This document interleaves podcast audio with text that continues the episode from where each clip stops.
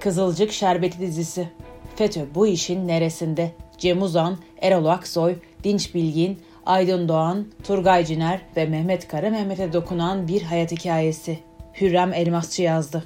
Çocuklar, yalan yazacak değilim. Türk dizilerini seyretmeyi seviyorum. Favorim Yasak Elma dizisine son dönemde hayli tartışmalar yaptığı için merak ettiğim Kızılcık Şerbeti de eklendi.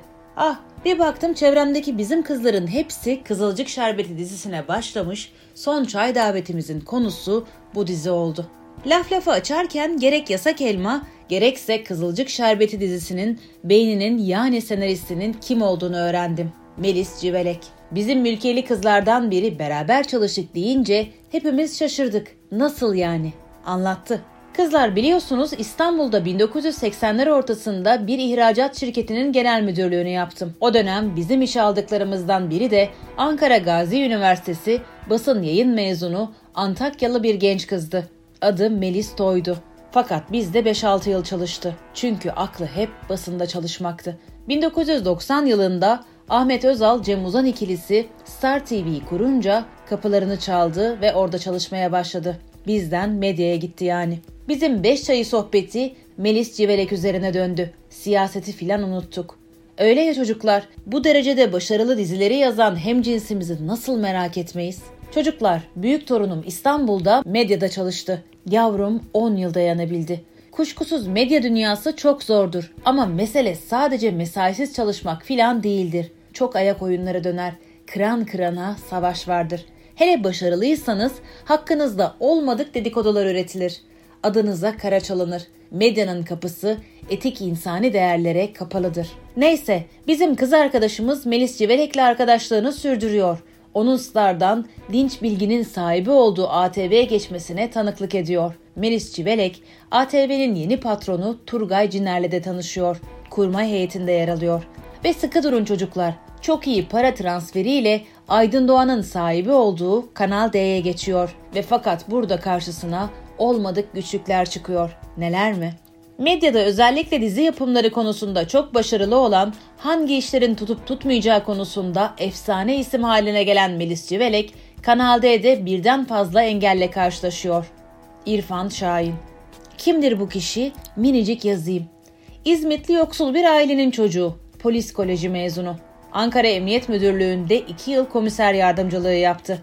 İlerleyen dönemde banka müfettişliği alanına yönelerek 3 yıl Yapı ve Kredi Bankası'nda daha sonra da İktisat Bankası'nda çalıştı.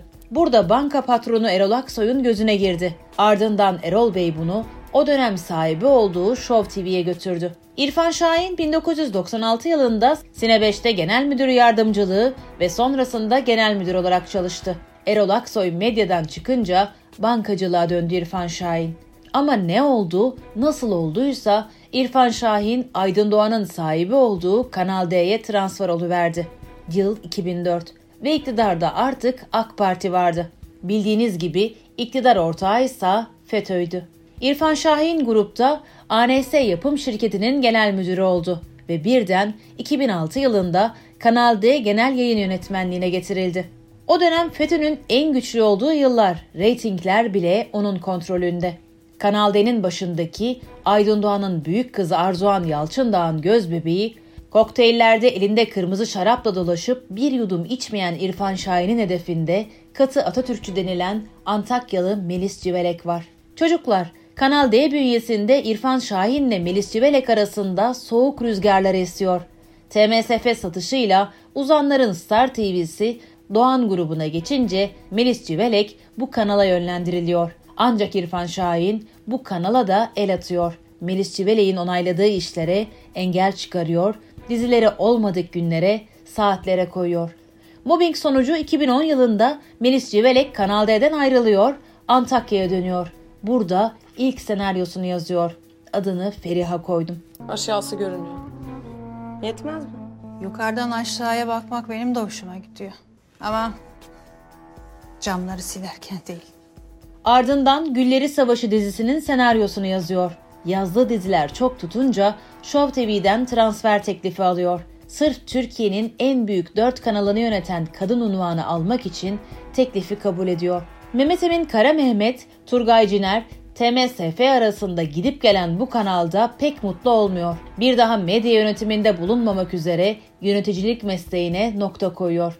Artık sadece dizi senaryosu yazacaktı. Yasak Elma ve ardından Kızılcık Şerbeti ile reyting kraliçesi oluyor. Yani çocuklar Antakyalı bir kadının tırnaklarıyla kazıya kazıya medya dünyasına verdiği mücadelesidir bu. Melis Civelek başarısına başarı katarak yoluna devam ediyor. Yasak Elma'dan Kızılcık Şerbeti dizisine kadar FETÖ hesapları hala bu Cumhuriyet kadınının eserlerine kara çalmaya devam ediyor. İrfan Şahin'e ne mi oldu? FETÖ gerçek yüzü ortaya çıkmaya başladığı 2015 yılında Kanal D'den ayrıldı. Kurduğu yapım şirketinde Netflix desteğiyle başarısız işler yapmayı sürdürüyor. Çocuklar, yazmak istediğim şudur ki izlediklerinizin perde arkasında neler oluyor neler. Kızlarla 5 çayında Melis Çivelik'in başarısını da konuştuk. Bunun ana sebebi ülke insanını yakından tanıması.